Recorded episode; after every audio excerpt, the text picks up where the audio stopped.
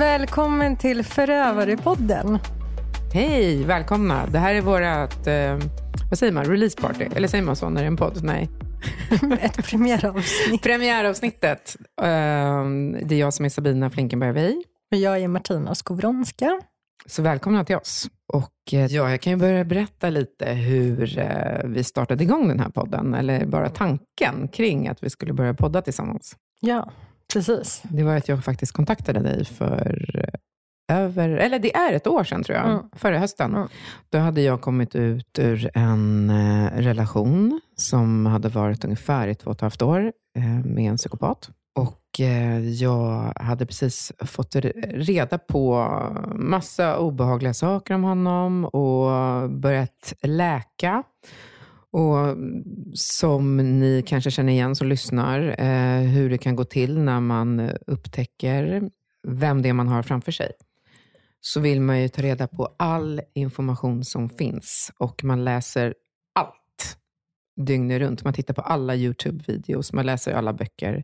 Och då kom jag över Martina, en författare eh, på Instagram där och eh, tyckte att den här tjejen, hon är jätteintressant och det, det är precis som att hon är jag. Vi har upplevt precis Ja, det var ju det du skrev till mig också. Skrev jag till jag dig? tror det. Jag att det var exakt de här Ja. orden du faktiskt använde. Okej, var det så? Wow. För jag kommer inte ens ihåg att jag skrev till dig. Jag vet att vi träffades, jag vet inte hur det gick till. Men sen Du sågs vi. skrev, nej, men Mm. du skrev till mig att du, eh, hej hej, jag har hittat eh, dig för att jag har googlat lite och eh, jag vill att du kollar in min profil. Profil? Vadå, sökte jag jobb eller? Nej. What? Äh, vadå? Det kommer inte Nej, jag ihåg. på Insta. Det låter ju helt skumt. Så Nej, Varför jag svarar du? Varför nej, svarar du Martina? Men för att jag svarar ju alla. Jaha, du var bara gullig mot mig. Nej, men jag tror att jag hade lagt ut lite grejer om narcissister. Ja, då. exakt, exakt. Ja, ja, men nu får jag hänga Så, med. så, nu hänger jag så, med. så var det nog. Att Ja. du, du ville då att jag skulle Mm. eh, kolla vad du hade lagt ut och att vi var liksom på samma... Plan. Eh, Mm, ja, och mm, att mm. vi hade upplevt samma sak. Mm, precis. Ja. Och då sågs vi på ett möte och då kände eh, vi båda att wow, vi klickar ju på en sekund. Och eh, jag kan tänka mig att det var, att se oss där på vårt första möte var säkert för en utomstående som att det där är gamla kompisar, de känner varandra. Vi skrattade, vi typ grät och vi eh, tömde varandra, liksom bara, oss själva helt plötsligt. Det kändes som att vi hade träffats förut, om jag säger så. Och, eh, det var ett jättebra möte, men då började vi prata om att eh, ha en podd tillsammans. Men då backade jag lite, för jag kände att det var för tidigt, för att jag hade inte läkt färdigt, helt enkelt, den här fruktansvärda relationen som jag hade avslutat då. Men sen så började vi prata igen. Vi har alltid haft kontakten under det här året och sen så bara körde vi igång. Ja, Vi bestämde oss väldigt snabbt. Nu gör vi det. och nu är vi här. Nu är vi här. Det ska bli så spännande. Mm.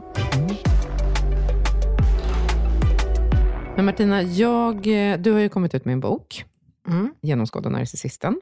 Och eh, jag har inte läst den. Nej, jag skojar bara. Det har jag visst gjort. jo, det har jag gjort. Och ehm, jag vet ju ganska mycket från boken. Då, men det, för att tillägga här, att vi, jag och Martina är inte gamla kompisar, så vi känner till varenda del. Utan eh, jag kommer vilja höra nu, eh, och lyssnaren också, din eh, berättelse om Adam. Om Adam. Mm. Jo, det började med att vi träffades på Tinder, jag och Adam. Det var fantastiskt eh, härligt att träffas. Vi, först så mässade vi lite med varandra i några veckor tror jag. Sen så på första dejten så gick vi och tog en promenad eh, runt Skeppsholmen och Kastellholmen. Det var väldigt romantiskt eh, och väldigt fint. Det här var någon gång i oktober och det var väldigt, väldigt fint höstväder kommer jag ihåg. Det var, träden var guldiga och solen sken och det var jättemysigt att, att hänga med honom. Eh, Mm. Och vi, hade, vi gick runt där och snackade med varandra och vi hade jättebra flow i, i snacket och vi klickade jätte, jättebra med varandra.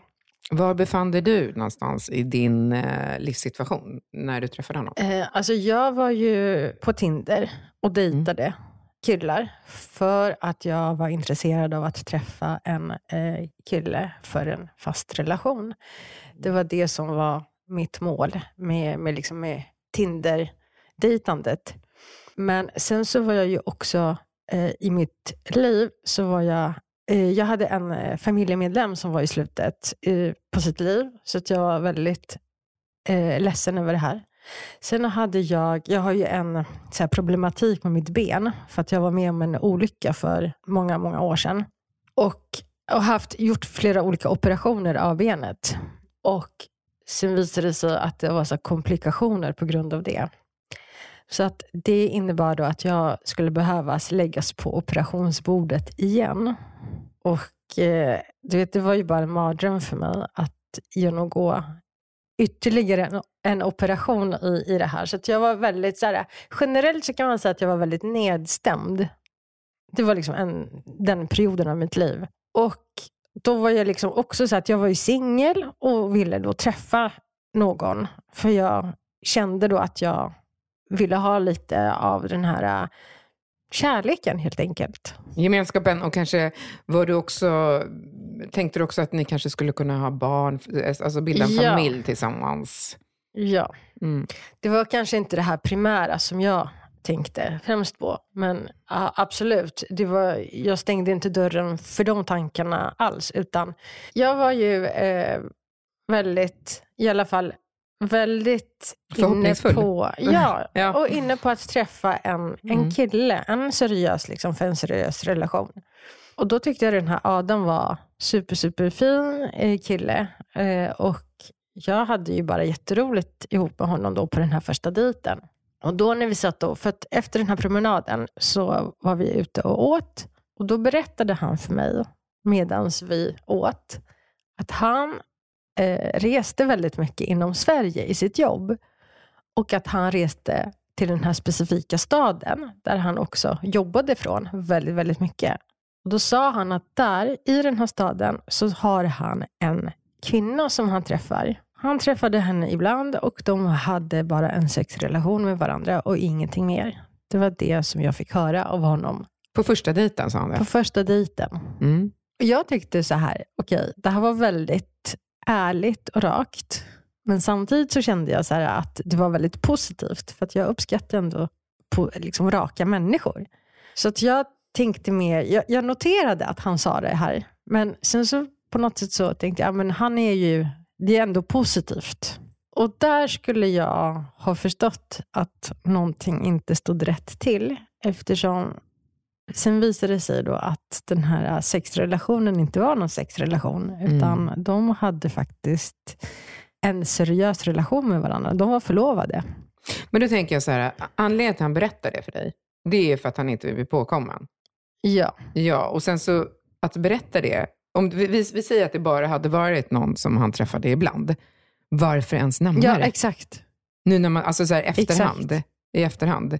Okej, okay, så men han gjorde ju det för att kunna eh, liksom bädda upp för en eventuell bli ifrågasatt av dig. Och ja. att det skulle kunna komma fram via sociala medier på något sätt. Kvinnan kontaktar dig. Nej, men jag har ju berättat om henne. Mm.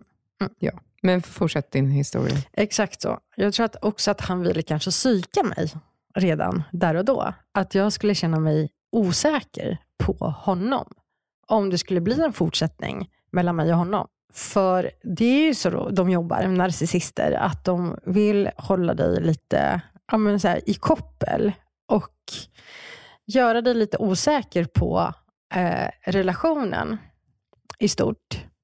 Och då visste ju han att det skulle ju komma gånger där han skulle resa till den här andra staden och sen då att, att jag skulle känna mig osäker på, på läget. Så jag tror Då att kunde det här han ha var helt... kontroll ja, och ha dig i koppel. Precis. Exakt. Jag tror att det här var helt uträknat Såklart. från honom. Mm. Och sen så efter den här första dejten så var det ju faktiskt jättesvårt att få till en andra dejt med honom. Han var ute och reste och flängde runt och jag kände mig bara här, mer och mer undrande. Så här, vad är det här? För det kändes ändå så pass bra, så att jag kände från min sida att jag ville ta det här liksom vidare. Fortsätta dejta honom. Sen förstod du att jag googlade honom och då visade det sig att han var förlovad med den här kvinnan. Då. Det var då jag tog, fick reda på det. Och det, och det såg du via Facebook? Då? Ja, det såg jag mm. via Facebook. Och när jag messade honom så svarade inte han. För att jag ville ju liksom låta honom veta att jag visste om att han var förlovad och att han hade ljugit för mig. Men han bara tog bort mig på alla de här kontaktvägarna vi hade använt. Så han blockerade mig och inte besvarade någonting. Sen gick det ett, ungefär några månader, kanske ett halvår cirka. Och sen så hör han av sig till mig och addar mig på Facebook. Och jag accepterar hans förfrågan och sen fortsätter vi eh, snacka. Och först så var han förlovad fortfarande och sen stod han bort den här liksom statusen att han inte var förlovad. Och när han sen hör av sig till mig och så skriver han då att han vill ändå träffa mig. Och Jag var väldigt skeptisk, för att då kände jag så här men han hade ju ljugit för mig. Jag kände inte mig helt så bekväm med att träffa honom. Nej, för men, du hade väl också gått vidare? Ja, liksom, jag dejtade ju. Ja. Hej då med honom Ja, då. exakt. Vilken idiot som liksom tar bort ja. mig för att jag kommer på att han är ja, exakt. förlovad. Och jag var ju liksom, jag hade ju andra killar som jag mm. dejtade faktiskt. Lite mm. olika parallellt, olika killar. det är klart man gör i början, det är väl inget ehm, konstigt. Mm. Så att jag var inte liksom sysslolös. Jag satt inte och väntade på honom på något sätt. Utan han liksom dyker upp från ingenstans. Eh, men eftersom det ändå kändes så bra med honom på den här första dejten så tänkte jag, okej, okay, men jag testar. Liksom, ja, men träffa honom igen. Och Då förklarar han, för att jag liksom tryckte på och ville ha en förklaring till varför han ljög om det här. Och Då sa han så här, nej men jag vill inte förlora dig, jag ville inte riskera att du skulle försvinna från mitt liv. Och om jag berättade som det var, om jag berättade att jag och hon var förlovade, då var ju en jättestor risk att du skulle lämna mig. Och jag ville inte det. Och Det var hans förklaring som jag köpte. Han, han berättar ju på ett sätt som inte Martina gör nu såklart. Utan han, det här tog ju säkert liksom en och en halv timme. Ja, uh, ja, ja. och det är mycket så här... Mycket, ja, mycket, känslor ja, ja. och... Att, och han, och han visar sig ångerfull och han visar sig liksom att fan, det var inte liksom bra gjort och liksom förlåt för det. Ja. Och då är man ju villig att ge en andra chans kanske i det läget. Ja. Liksom, Okej, okay, gör inte om det. Och så kan ju inte liksom, vi kan inte börja dejta om du ska börja med att ljuga. Nej, exakt. Nej. Men sen så fortsätter vi träffas och det var ju fantastiskt bra mellan oss. Jag blev ju mer och mer kär i honom. Han kommer efter andra eller tredje dejten då och säger att han älskar mig, att han vill skaffa barn med mig, att han har aldrig känt så för någon tidigare. Oj, vad jag känner igen det här. Vänta. yep. eh, ja. han, eh, han är bara så chockad över att det känns så himla bra för att han har aldrig någonsin upplevt det här i hela sitt liv. Och det här var så fantastiskt och han vill bara fortsätta med mig. Och eh, ja, Så att vi blev ett par. Fram tills, och så gick det några månader och det var jätte, jättefint mellan oss. Sen, hur, hur, var han mot dig under de här månaderna? Men han var jättebra. Han var jättegullig. Han, han var inne i den här lovebombing. Ja. Mm. Han uppvaktade han dig? Liksom. Han uppvaktade mig. Vi åkte på små utflykter, hade picknickar ihop. Det var ju sommar då också, ska jag tillägga. Så mm. det var ju, men vi, vi hade, hängde ganska mycket med varandra. Och han var supergullig, fixade och donade. Nej, men det var ju, kändes superbra. Jag kände mig bekräftad, jag kände mig älskad, jag kände mig ja, men så här, kärleks... Ja, men så här, jag var i en kärleks... Liksom, Relation? Ja. Och jag kände mig ja, men super, superbra med honom. Frågade han mycket frågor om dig? Han ställde frågor. Men när jag ställde frågor till honom om honom och hans bakgrund, hans barndom, hans... Liksom, ja, men för att jag, såklart så vill man ju lära känna den här människan.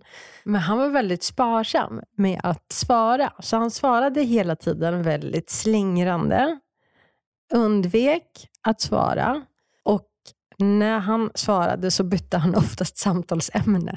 Mm. Så då började vi prata om Extremt någonting vanligt. annat. Ja. Så det var väldigt eh, mycket. Så alltså att jag hade ju svårt egentligen att sätta fingret på vad, vad är det här för person. Eh, och sen en... Men fick du träffa hans vänner, hans nej. familj? Ingen, Aldrig. Aldrig? Jag Mm. kan säga så här, att den här relationen höll på så här i tre och ett halvt år. Alltså han, efter den här första då, den här första sommaren så började ju han försvinna. Så han ghostade mig. Han, eh, bara från ena dagen, vi har haft det fantastiskt. Vi har tillbringat en liksom, tid ihop jätteofta och jättefrekvent och jättemycket. Sen den andra dagen är han bara helt borta. Och jag messar honom, jag ringer till honom och han svarar inte. Och det är så Och du har ju inte någon annan att kontakta. För tänker, man tänker så här, lägga på sjukhus. Ja, jag tänkte Alltså, så här, eller har han gått bort? Ja, Alltså, har han liksom ramlat och slagit i huvudet? Är han liksom, För det är där han kommer ju från en dag till en annan, eller? Ja. Mm. Är han, vad är det som har hänt? Han är Mm. bara liksom helt borta. Det är som att han har liksom försvunnit. Och det är, det är så himla vidrig känsla att utsättas för det här. För att jag, liksom, jag har ju ändå förstått att det är inte helt ovanligt i den här datingvärlden att man liksom gör så när man liksom dejtar, att man går på en dejt och sen så försvinner man, liksom, den personen man har dejtat och sen så hör man inte av sig till varandra igen. Men det här, vi, vi har ju liksom inlett en relation. Ni har hängt en hel sommar. Vi har hängt en hel sommar, han har sagt hur mycket han älskar mig och sen är han bara försvunnen. Ja, då måste han ju typ avlidit. Exakt. Alltså, det är Eller så- väldigt sjuk, Ja, ligger ja, i respirator. Ja, ja. Och jag, jag förstår din uh, otroliga liksom, desperation där att eh, få tag på honom. Ja, och då blir jag den här liksom, psykiskt störda för att jag ringer och ringer och ringer till honom. Så han får ju säkert så här, tio samtal i timmen av mig, men han svarar inte på ett enda. För man blir ju så, här, man blir så otroligt desperat och stressad över situationen. Och för man vill ju ändå så här, få ta på honom. Ja, för att man tänker då, kanske också, om man tänker mig in i din situation, liksom, okej, men du har ju, du vill eh, göra slut. Men gör det då, Ja, din exakt. fegis. Säg exakt, det då. Exakt. Smsa det om du inte vågar Exakt. fejsa det. Liksom. Men jag förstår att det går alla tankar. Allt från, liksom, okej, han har typ ghostat mig. Eller, nej, det kanske han inte har. Mm. Var det så det var? Upp Ja, och ner, upp och ja. ner. Hur länge För jag- pågick det här? Liksom? Ja, men den, här liksom silent, det pågick i flera veckor. Minns Oj, inte oj, exakt. oj. Men det här Ja, pågick i flera veckor. Till slut så hör han av sig till mig och så säger Mm. han så här, "Ah, jag vill att vi träffas för vi behöver prata. Och sen så, när vi väl träffades så var det fantastiskt igen. Men då säger han då samma kväll att han håller på att bli utbränd. Och det där var ju bara skitsnack. Men det var hans förklaring. För frågade du, vad, vad är det som har hänt? Ja, exakt. Nej, men han sa så här, nej, men han ville inte ens svara. Så till slut så fick han ur sig så här, men jag håller på att bli utbränd. Och jag har inte mått så bra på sista tiden. Och jag behöver vara lite för mig själv. Och det är väldigt intensivt att träffa dig. Mm, då lägger han lite skuld på Ja, dig. han då blir jag så här, Mm. men vadå, är det mitt fel nu att du är utbränd? Nej, men nej, nej, nej, nej, det är det inte. Men det är bara väldigt intensivt och jag kan inte, jag kan inte träffa dig. Men så säger han så här, men jag vill ändå att du väntar på mig Mhm. tills, den här, Till- tills jag mår bättre. Okej. Så du, istället för att göra slut så ville han hålla dig Han ville hålla, på kroken Ja, och, och skylla det på att jag vill att du väntar på mig? ja, han ville hålla mig på halster, han ville hålla mig i koppel och kontrollera situationen. För när han väl kände för det här så skulle han plocka fram mig igen. Men det var därför han gjorde så här, för att göra dig desperat. Ja, exakt. Mm, för att tappa bort dig själv. Ja. Och mitt i allt det här, ska jag också tillägga, och då börjar den här kvinnan i den här andra staden höra av sig till mig. Han sa ju till mig att de hade brutit nu den här förlovningen och att de inte var ihop längre. Men att han skyllde då på att hon var psykiskt störd och hade en psykisk sjukdom. Hon hade någon diagnos och käkade antidepressiva och gick liksom re- till regelbundna eh, terapi, ja, men, psykologbesök.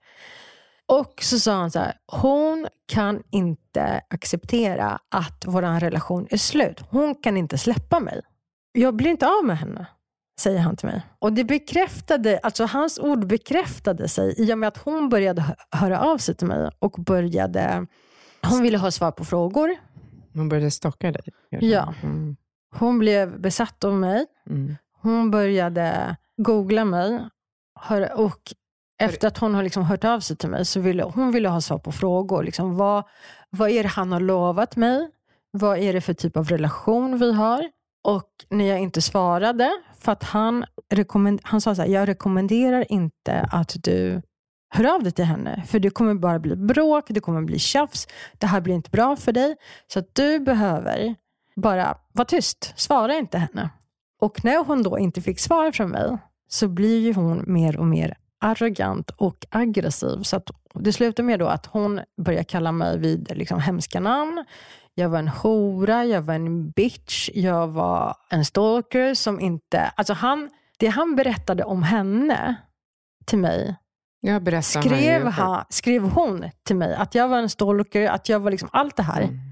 Så jag tror att, han matade henne samtidigt ja, med, med, med exakt samma exakt historia. Samma med historia. exakt samma historia. Och att jag skulle låta honom vara. Jag är en eh, jäkla Galen obehaglig människa. Mm. människa som inte kan låta honom vara. Och om jag inte låter honom vara så får jag skylla mig själv. Då ska hon göra livet surt för mig, skrev hon. Så hon hotade ju mig. Men var du inte sugen någon gång att lyfta på luren och bara, okej, okay, let's Nej. talk? Nej, vad för jag tycker, vet du vad? För jag tycker så här, hade hon haft en annan ingång i det här, hade hon haft en så här, mjuk approach, hade hon velat liksom, ställt en neutral fråga, Martina, kan vi prata om det här?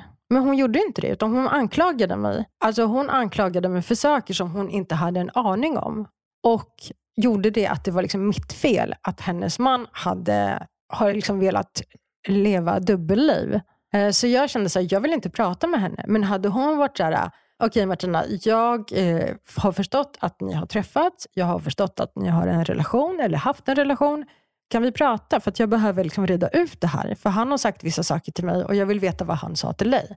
Hade hon liksom sagt så här till mig så hade jag självklart pratat med henne. Men alltså jag tolererar inte att folk kallar mig vid hora och bitch och stalker och en obehaglig människa och hotar mig dessutom på det, absolut, då tar jag inte jag den dialogen. Jag gör inte det. Det här är till hennes nackdel, ska jag säga. Jo, precis. Det är klart att det är det. Så, så, hon... så, du vill ändå så ge lite råd här ja. nu. Om man nu ska kontakta någon i det här läget så ska man ha en mjuk approach. Ja, för, för att, man vet är, inte riktigt. Man, man vet, inte, inte sanningen man, Nej, men precis. Historien. Man spekulerar, man tror liksom på den ena. Man tror på narcissisten. Man tror liksom på ett annat mm. sätt. Man blir liksom ut, ututad en massa lögner. Och alltså, ta reda på sanningen innan du uttalar dig. Du kan ju bedöma om jag är en hora först efteråt. Men gör inte det innan, Nej. för du vet ju ingenting. Jag skulle ha blockat personen också. Ja, jag gjorde ju det. Ja. Jag har ju blockat henne överallt. Och hon blev ju också ännu mer frustrerad. Så då började hon höra av sig till min jobb, på mitt jobb. Till min liksom, jobbtelefon. Och hon skrev ju någon gång så här, i krig och kärlek är ju allt tillåtet. It's not. Bara på film. okay, så men, hon har ju så, bara förlorat själv på det. Hon har ja, förlorat massa år för att hon har liksom trott på honom. Hon mm. har ju förlorat massa känslor. Ja. Så att det, det är jäkligt synd om henne. Det väldigt, men det är väldigt, hennes väldigt, ageranden för att hon inte har varit... Liksom... Det är liksom- väldigt beklagligt. Det är väldigt beklagligt. Och, jag, och, det, och det har jag också ja. förstått så här, att det är ju oftast så vi kvinnor reagerar, att vi går på den andra kvinnan istället för att liksom klandra Mannen. mannen som är den ja. som är förövaren här. Mm. Som I, är I det här den fallet, som, ja, precis. Och ibland kan det vara en kvinna ja, som är förövaren. ibland kan det vara tvärtom, precis. precis. Men alltså den som har orsakat det, röran, ja. det är ju den personen som man ska gå på. Ja, och det är som en man eh, kanske går på en annan man då och liksom spöar ner dem ja. för att de har haft ihop det med kvinnan. Men ja, det kanske är kvinnans egna val då i det läget. Liksom. Jag ska säga det att hon har ju, nu går jag lite händelserna i förväg här, men jag kan säga så att hon har ju hört av sig. Hon har ju mer eller mindre hört av sig till mig med lite jämna mellanrum. Och senast så hörde hon faktiskt av sig till mig för ungefär ett halvår sedan, efter att den här boken kom ut, där hon återigen klandrar mig för att jag har med henne i boken. Men jag menar, hon är bara en liten parentes i boken. Hon är ingenting. Hon tillskriver sig själv mycket större betydelse i den här boken. Du har ju läst den här boken. Jag menar, mm. det är bara, hon är bara en liten parentes. Boken handlar inte om henne. Så jag vill bara förtydliga det. Den handlar inte om, om henne, utan det handlar om min relation om och vad som hänt. Mina ja. observationer, det som har hänt under tiden jag var ihop med Adam. Ja, precis. Och det handlar ju om, om hur han presenterade henne. Precis. Hela det här triangeldramat som han skapade. Henne. Så att hon, hon har ingen betydelse överhuvudtaget. Men ett ja. råd är ju liksom, om man hade då varit lite mer ödmjukare och förstått att det är någonting som inte står rätt till här, då hade hon kunnat få så mycket bra information, och du också, och kunna stoppa det här i tid för bådas skull. Ja, exakt så. Och det är det, så att vi behöver bli mycket mer snällare mot varandra där och liksom hjälpa varandra istället. För att oftast när man har den här magkänslan av att det är någonting som inte står rätt till, då är det så. Mm. Och det är sällan en tredje part. Då. Liksom, det är inte den personens fel. Men sen så då, eh, okej, okay, och då sa han att han höll på att bli utbränd och ville att du skulle vänta på honom. Ja. Ja, och det gjorde du. Ja, som en jäkla idiot gick jag på Nej, det här. Nu ska du inte klanka ner på dig själv, Martina. Det är ju så här, det är som eh, vi har ju pratat om förut, att kärleken är som en drog. Va?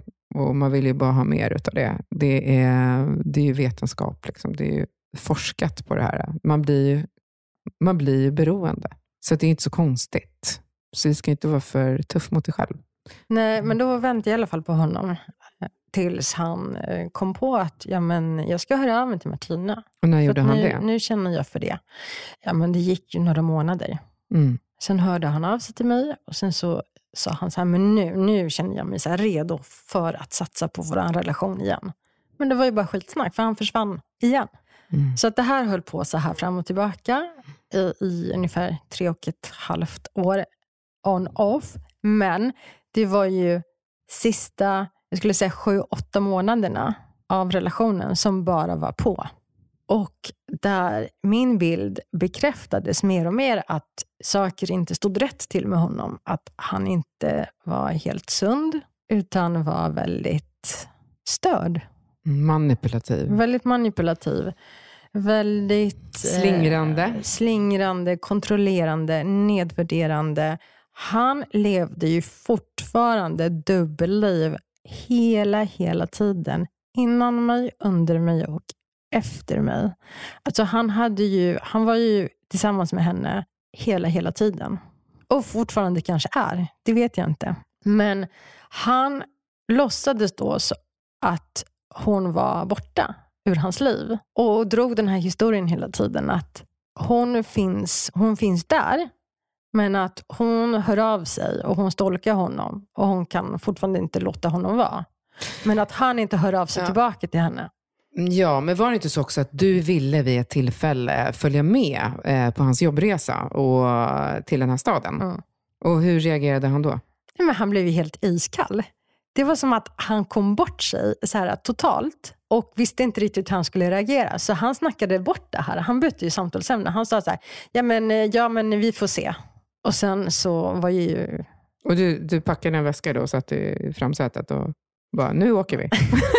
Nej, Ja, men alltså, jag hade nästan... du var ganska vet- pushig. Ja, men, han- ja, men ja, mm, precis. mm, För jag mm. tänkte så här, jag vill ju åka dit med honom. Så kan vi tillbringa, han jobbar. Och då var han så här, nej men jag ska jobba hela tiden. Jag har inte tid att, att, att umgås med dig när jag är där. Jag jobbar ju så mycket.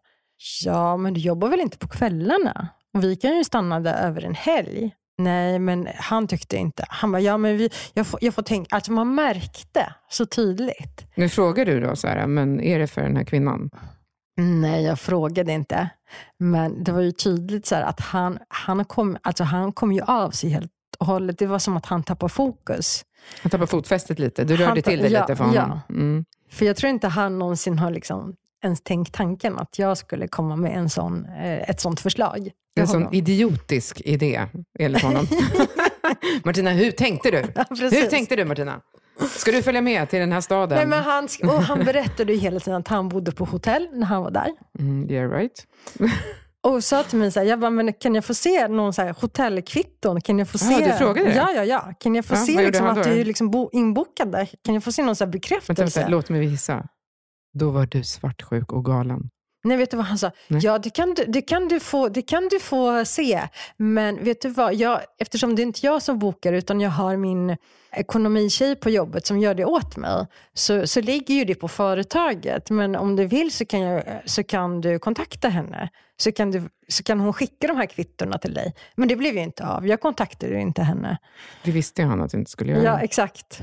Men blev du anklagad någon gång för att vara svartsjuk och galen? Nej, nej det blev jag nog inte. Men däremot så klandrade han ju mig att jag hade killar. Att du var otrogen? Att jag var otrogen. Ja.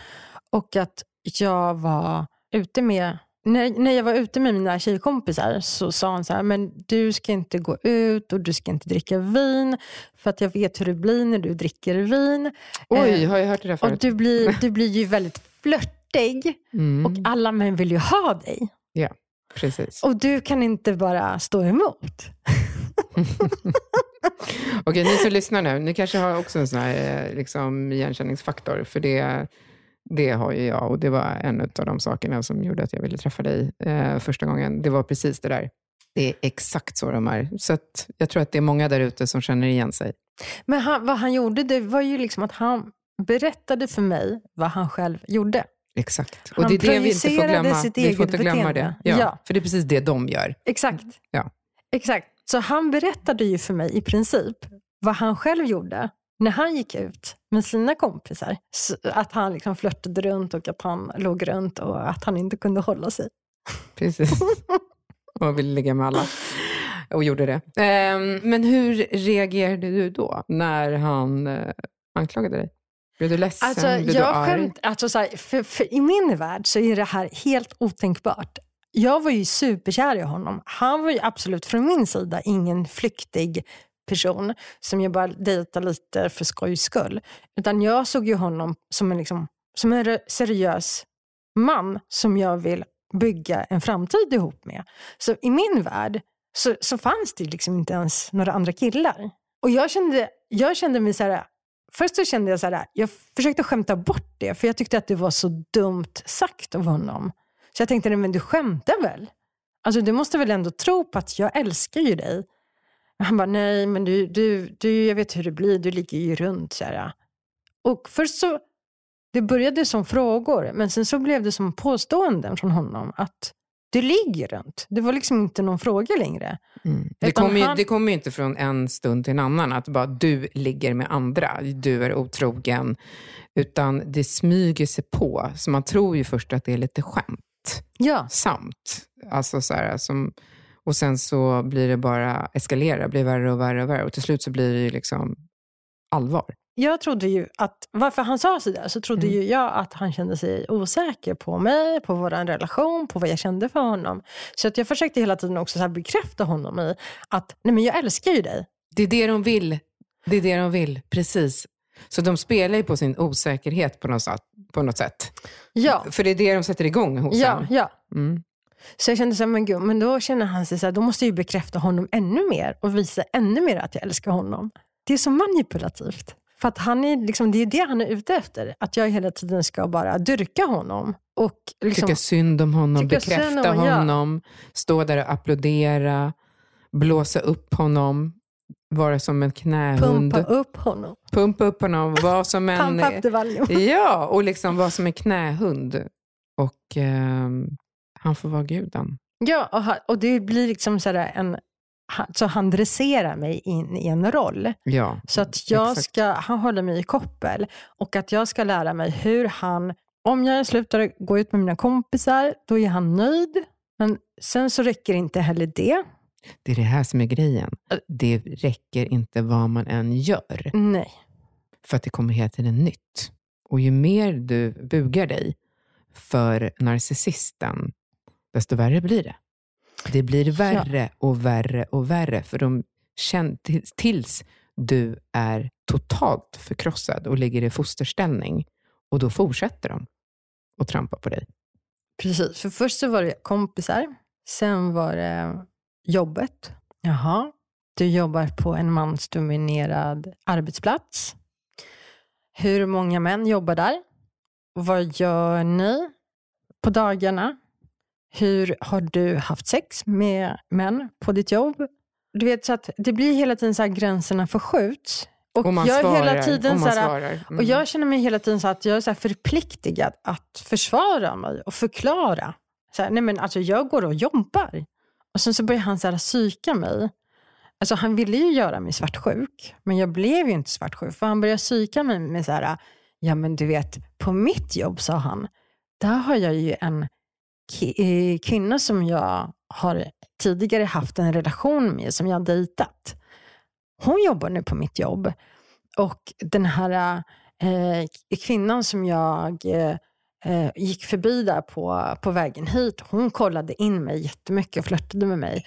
Och den här optiken, du vet när jag skulle sitta och liksom, när hon skulle prova ut mina glasögon, hon kom så himla nära.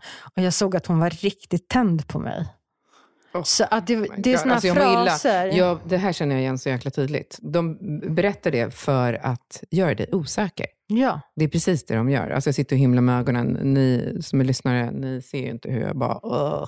Alltså, I feel sick. Men eh, det, är, det, det är därför de gör det. Precis. Och jag, för, jag, jag eh, kan förstå eh, att man blir osäker, för att, att jag själv har blivit det. Så, vad hände sen? Nej, men sen hände det här att när vi hade den här på-perioden, eh, som var sju, åtta då, månaderna, sista månaderna, det var då jag märkte så här, alltså allt det här, det här som jag berättade, så här, kontrollerande, nedvärderande. Jag fick hela tiden eh, så här, passa upp på honom och han skulle träffas när han ville och kunde. Så han satte lite villkor för den här relationen. Så det, allting skedde på hans villkor. Bland annat julafton. Ja, julafton. Precis. Berätta om julafton. Det var också sista gången vi eh, sågs. Inte på julafton, för den tillbringade vi inte ens ihop. Han skyllde på att han skulle iväg och fira den med sin eh, gamla mor. Men han var ju bara där över en lunch. Så att det fanns ju alla möjligheter i världen att han och jag skulle träffas senare på kvällen. Men han, han ville inte det. Sen så träffades vi på juldagen och åt middag på en restaurang tillsammans med hans barn och eh, dotterns sambo. Och allting var jätte, jättefantastiskt och jag trodde ju att vi skulle fortsätta. Jag var ju ledig i mellandagarna och trodde liksom att vi skulle fortsätta vara med varandra hela den här julperioden och nyårsperioden. Men då nästa dag, på annandagen, så bara, nej men nu måste jag tillbaka hem för att jag måste fixa min grej.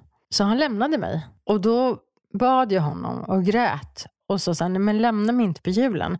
För jag tycker ändå så här, det är en högtid som jag värderar jättemycket och jag känner att jag vill inte vara ensam på julen. Och jag hade ju ändå så planerat att vara med honom. Nej, men från, ah, så här, han bara säger att nej, men, jag eh, måste åka hem nu. Och sen så träffas och vi imorgon. Och ger ingen vettig förklaring nej, till det? Nej.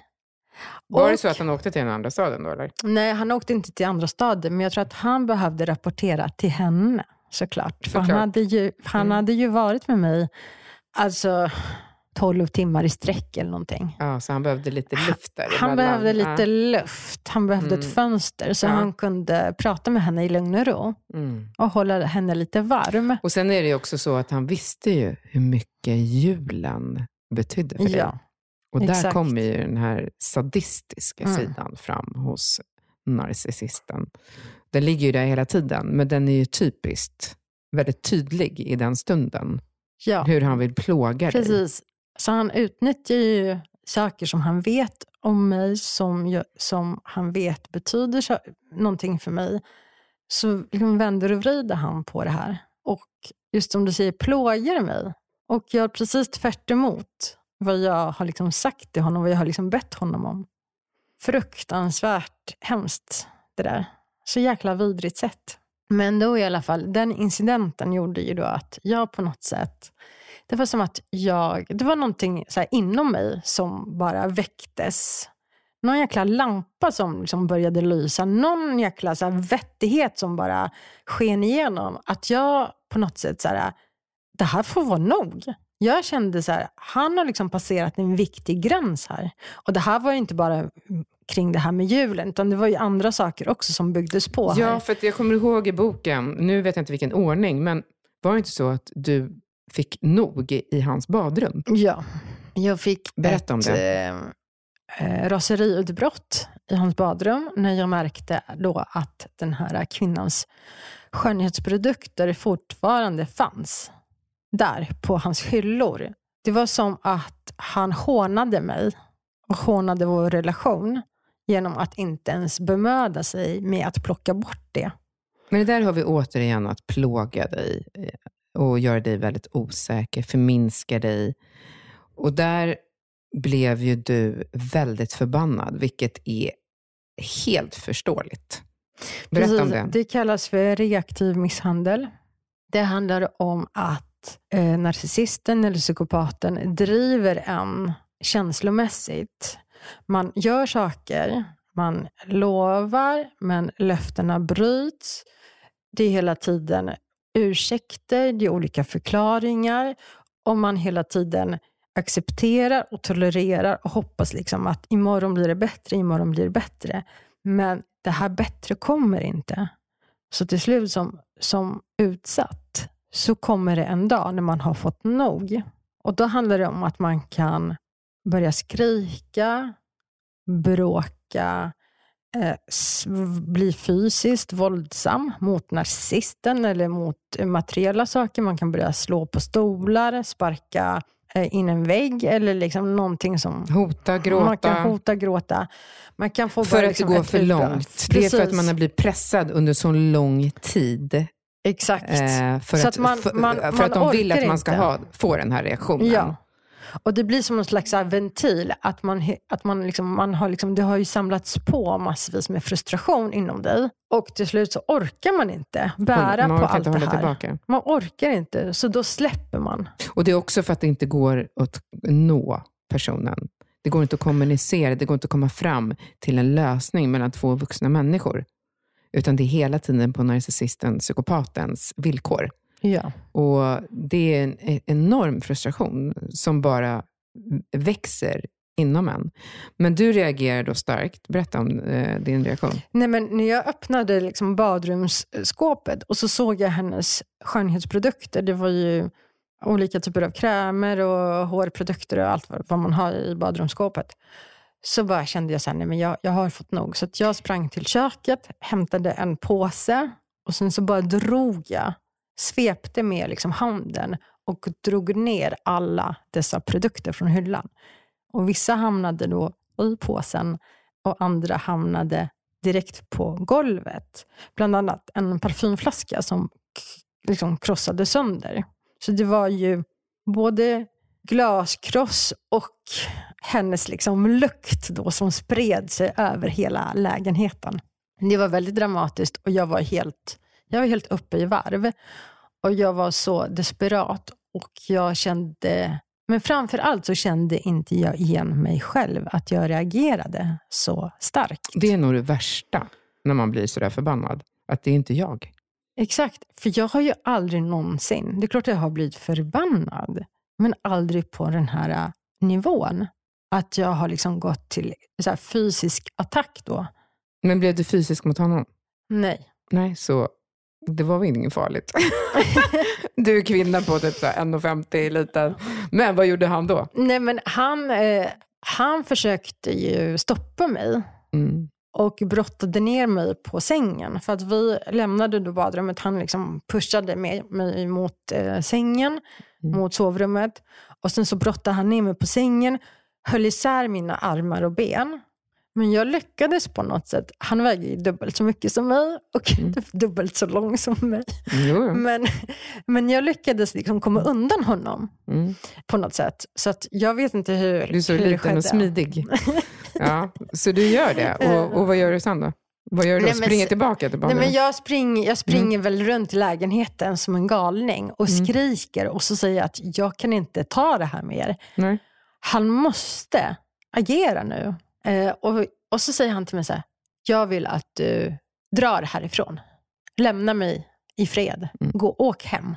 Då är det Så- du som är sjuk i Det är huvudet. jag som är sjuk i huvudet. Så Ja. istället för att förstå mig, för att sätta sig in i min situation, vad jag upplevt, vad jag känner, visa förståelse, visa empati, visa sympati, krama om mig och så säga fan förlåt, det här var faktiskt mitt fel. Och packa ner grejerna. Och, Packa ner ja. grejerna och slänga bara liksom, så demonstrativt, att han visar sig, att han agerar, att han gör faktiskt någonting konkret. Att han står på min sida framför allt. För det kände jag så här, nej men han blev ju så här, men han blev min motståndare. I det här. För först i början, då vill han ju knyta upp dig genom att ni ska vara ett team. För så var det ju för mig också med Erik. Ni ska vara ett team tillsammans mot den här kvinnan. Men sen helt plötsligt så tar han ju kvinnans parti. När du blir så här galen och då är det du som är sjuk i huvudet och ska åka därifrån. Ja. Så du åker därifrån. Jag åker därifrån mitt i natten, för det här var ju på, liksom, det här hände sent på kvällen. Men det var inte så att du fick bara liksom ta dig hem därifrån? Du var ju helt förstörd. Ja, jag var helt förstörd. Jag, jag, blev, jag var så i en chock. Jag fattade inte ens att det här hade hänt och att det var jag som gjorde det här och att han reagerade som han gjorde. Så det var ju liksom massa saker i det här också som var så helt galna. Men till slut så tog jag mig eh, därifrån, jag kl- klädde på mig, tog mina saker och gick ut på gatan och bara stod där mitt i natten och fattade inte riktigt hur jag skulle ta mig hem. För jag blev, så här, jag blev ju blockerad i hjärnan. Så jag kunde inte tänka klart. Och jag försökte gå in på så här SL-app och försöka hitta en, en liksom resväg hem. Men jag fattade inte riktigt hur jag skulle... Alltså jag darrade hela jag. Jag hade hjärtklappning och var helt okontaktbar egentligen. För att jag mådde så himla dåligt. Till slut så kom jag på att jag kan faktiskt ringa efter en taxi, vilket jag sen också gjorde. Så jag tog, mig hem eh, med en taxi. Men, men det var så himla... Jag kände mig så himla utsatt. Fast det var jag själv som hade gjort så och drivit det så här långt. Så var Mm. det ju inte... Det hade ju inte skett om han hade hållit de här löftena. Lite, det var ju han som skapade den här situationen. Ja. Och det är det, för, men du trodde i det läget att det är, du, det är ditt fel, det är du som har drivit det här. Du har en otrolig ångest kan jag tänka mig att du Mm, hade. mm. Och du vill bara få allting tillbaka spolat. Mm. Men det var ju väldigt ut, det här är ju uträknat av, eh, av eh, Adam. Att göra på det här sättet för att du ska bli den galna. Så att han ska kunna fortsätta att leka med dig. Precis som han gjorde. Och inte för att förminska liksom att kvinnor kan också vara eh, våldsamma och narcissister, absolut, fast de är liksom korta och smidiga och, och, och små. Eh, det är inte det jag menar, utan det här är ju verkligen en situation som är väldigt, väldigt allvarlig. Det är lika hemskt som att han hade slagit dig. Nästan värre, för att du, du blir totalt förvirrad. Du beter dig på ett sätt som inte du känner igen dig själv. För att det är han som har skapat situationen. Det Ja. är han som har drivit på dig så hårt. Så att du, blir, du tappar det till slut. Och det du gjorde, det var att dra ner lite badrumsgrejer. Oj, lite dyra produkter. Vad spelar det för roll egentligen? Liksom, I det stora hela. så Men spelar- gud vad det han försökte rädda de här produkterna. Exakt, för han var ju livrädd vad han skulle göra. Precis. Hur han skulle förklara, Förklara. att den här parfymflaskan hade och liksom... alla grejer. So funny! Ja, alltså hell Så with han them. var ju alltså. rädd om Vad sitt det, eget liksom? skinn. Ja, och det är det enda de bryr sig om, sitt eget skinn. För att du, du står där och är helt förlamad av sorg och besvikelse. Och han tänker bara på eh, de här produkterna, hur han ska förklara det för den andra kvinnan. Vilket är helt galet. Åh, vad jag fick höra det sen. Precis. Herregud. Och vad, kommer, vad, vad, vad var de närmaste veckorna sen? Hur utspelade det sig? Först så tog han ju på sig skulden för det här. Han sa till mig så här, ja, men jag vet att jag har skuld i det här och det här hade inte hänt om jag hade gjort det här som du har bett mig om. Det är som att han ville få mig att tro att han ska göra någon, en, mig en tjänst. Inte att han själv kände att han behövde Nej. lösa vissa situationer, utan att, han gör mig en tjänst, vilket också är helt sjukt. Han måste ju känna själv så att han har passerat gränsen eh, och att han gör fel, vilket han då som narcissist absolut inte kan känna. Mm. Så att han sa så här, men eh, ja, det, jag vet att det här hade inte hänt om jag hade gjort det här som du har bett mig om. Så att eh, jag vet att jag har skuld i det här. Det var det första han sa när vi träffades efteråt. Sen Sen, svängde han. exakt. Mm, jag bara sitter och väntar så här. Sen nu vet ju jag det, han. men eh, jag kommer inte ihåg exakt allt. Eh, och Mm. sen så vidhöll han den här svängda versionen Mm. under alltså resten av hela relationen. Att Det är väldigt jag viktigt var för den här galna, Mm. att jag var den här uh, ur balans och att han inte kände mig. Han visste inte vem jag var. Jag var bara inte den här personen som han trodde att jag var. Vem är han ihop med? Och att han då skuldbelade mig för allt det här. Och sin egen del i det här. Det var så att, Det var nej, men- zero. Nej, Mm. men d- det är inte jag som har Mm. gjort det här. Det är du Mm. som fick det här raseriutbrottet. Jag hade inte gjort så här om det var omvända roller, sa han. Precis. Precis. Och bra gjort Martina. Det var bra att du fick det. För det var ändå ganska skönt att få det, liksom, få det ur dig, tror jag. Och det är precis så här de jobbar. Men vet Mm. du, det blev ju också en väckarklocka för mig. Ja, För att jag kände ju på något sätt att den här relationen har drivit mig till någon jag inte är. Då är det här inte rätt. För det jag kände är- inte igen mig Det själv finns ingen i det här. framtid. Det finns, finns ingen, ingen framtid. kärlek, Jag ömhet, kan inte- respekt. ja. Jag kan inte gå runt och vara någon annan som jag inte är. Någon som väntar vid telefonen. Någon som väntar vid telefonen, någon som får raseriutbrott, som blir våldsam, som inte är tillfreds, som är hela tiden stressad och undrande, osäker, otrygg i relationer. Jag kan inte känna de här känslorna. Så att, De har eh, tagit över dig. Ja, Mm. precis. Så hur avslutades det? Nej, men det avslutades där på annandagen när jag kände att han har ju ytterligare, alltså, en till gräns har han passerat. Det var som att gränserna försköts, försköts, försköts hela tiden, allt eftersom. Men det liksom byggdes ju på till slut och jag kände så här, nej men nu, nu, nu räcker det. Mm. Så att han ville ju träffas dagen efter, efter att då ha pratat med den här kvinnan. Men jag var helt så här, nej men vi ska inte ses mer. Jag sa det till honom då och jag säger det till honom nu, att jag kommer aldrig mer träffa honom igen. För grejen är att han fortsätter att höra av sig till dig. Mm. Hur ofta gör han det? Alltså senast för kanske tio dagar sedan, två veckor Tio sedan. dagar sedan? Mm. Adam, lyssna noga nu. Hör aldrig mer av det till Nej, men han Martina. kommer ju. Alltså du är en sån idiot. Alltså på riktigt, det är liksom en bok utgiven, du har ett Instagramkonto, vi gör den här podden. Och, och jag trodde faktiskt att du skulle säga tre månader sedan Martina. Men alltså, Nej, men han hör av sig. jag vet och att du har sagt det, men min hjärna, woo, det är så mycket Nej, information han, ibland. Jag, eh, jag kom på att du sa det nu. Men det alltså, han, nej, men han ville ha tillbaka mig. Han hävdar ju hela tiden att han älskar mig så starkt och så mycket. Och han har aldrig älskat någon så som han älskar mig.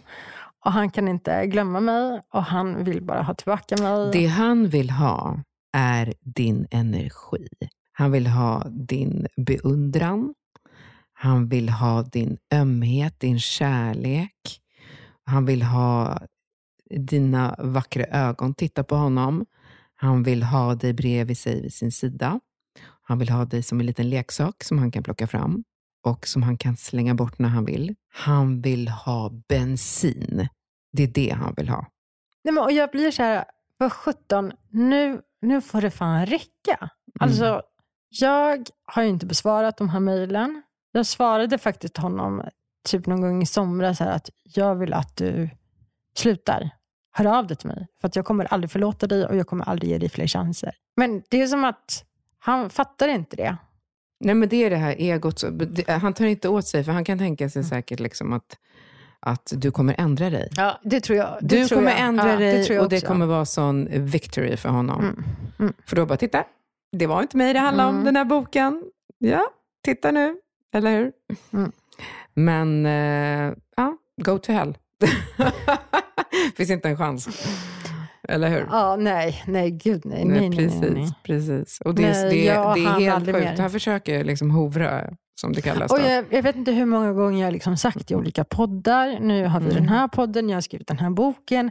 Det har varit med i olika artiklar, jag har varit med på TV. med på DN, Alltså, och ja. det spelar ju Mm, mm. ingen roll vad jag säger. Det är som att det, det, det, det, Det liksom, han förstår inte det. Mm, det fastnar inte. Nej, så han... eh, Nej, För att de är också inbildningssjuka. Så att det här som har hänt, det har inte hänt. Han har inte varit otrogen, han har inte behandlat dig illa. Och nej, vadå, jag menar inte så. Och, och vänder och vrider i sitt huvud. Utan eh, jag förlåter dig, Martina. Du fick det där, e- det där vredesutbrottet. Jag förlåter dig. Och den där sidan var inte okej, men jag kan leva med det. Mm. Så att jag kan tänka mig faktiskt att ta dig tillbaka. Mm. Så, ska vi köra Mm. på igen? Mm. Det är sådär de tänker. Exakt. Det var mycket sorgligt att eh, höra på din historia och läsa din bok. eh, Hur eh, människor kan bete sig så fruktansvärt. Men hur mår du idag och vad har, liksom, vad har det här satt för spår i dig, Martina? Eh, jag mår eh, bra idag, Eh, men jag kommer ju aldrig bli den här eh, personen som jag var innan honom. Eh, jag har fortfarande vissa spår, vissa men kvar i mig som jag jobbar med dagligen. Bland annat så är jag väldigt skeptisk och misstänksam och jag har svårt att lita på nya människor som kommer in i mitt liv.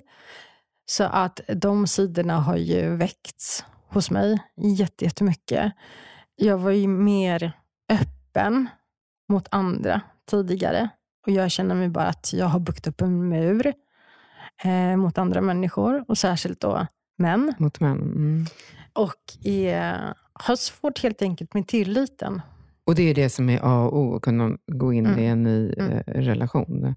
Inte bara en kärleksrelation, utan också kanske en ny vänskapsrelation eller eh, ja, men kunna lita på någon överhuvudtaget. Att det de säger faktiskt stämmer överens. Mm. Att ord och handling är samma. Mm. Det, är väl, det är väl det vi vettiga människor, liksom, vi står ju för det. Men det gör ju inte de. Mm. De är bara ute efter att få sin vilja igenom och leva efter sina regler. Man ska leva efter sina regler, men de gör inte det själva. Nej.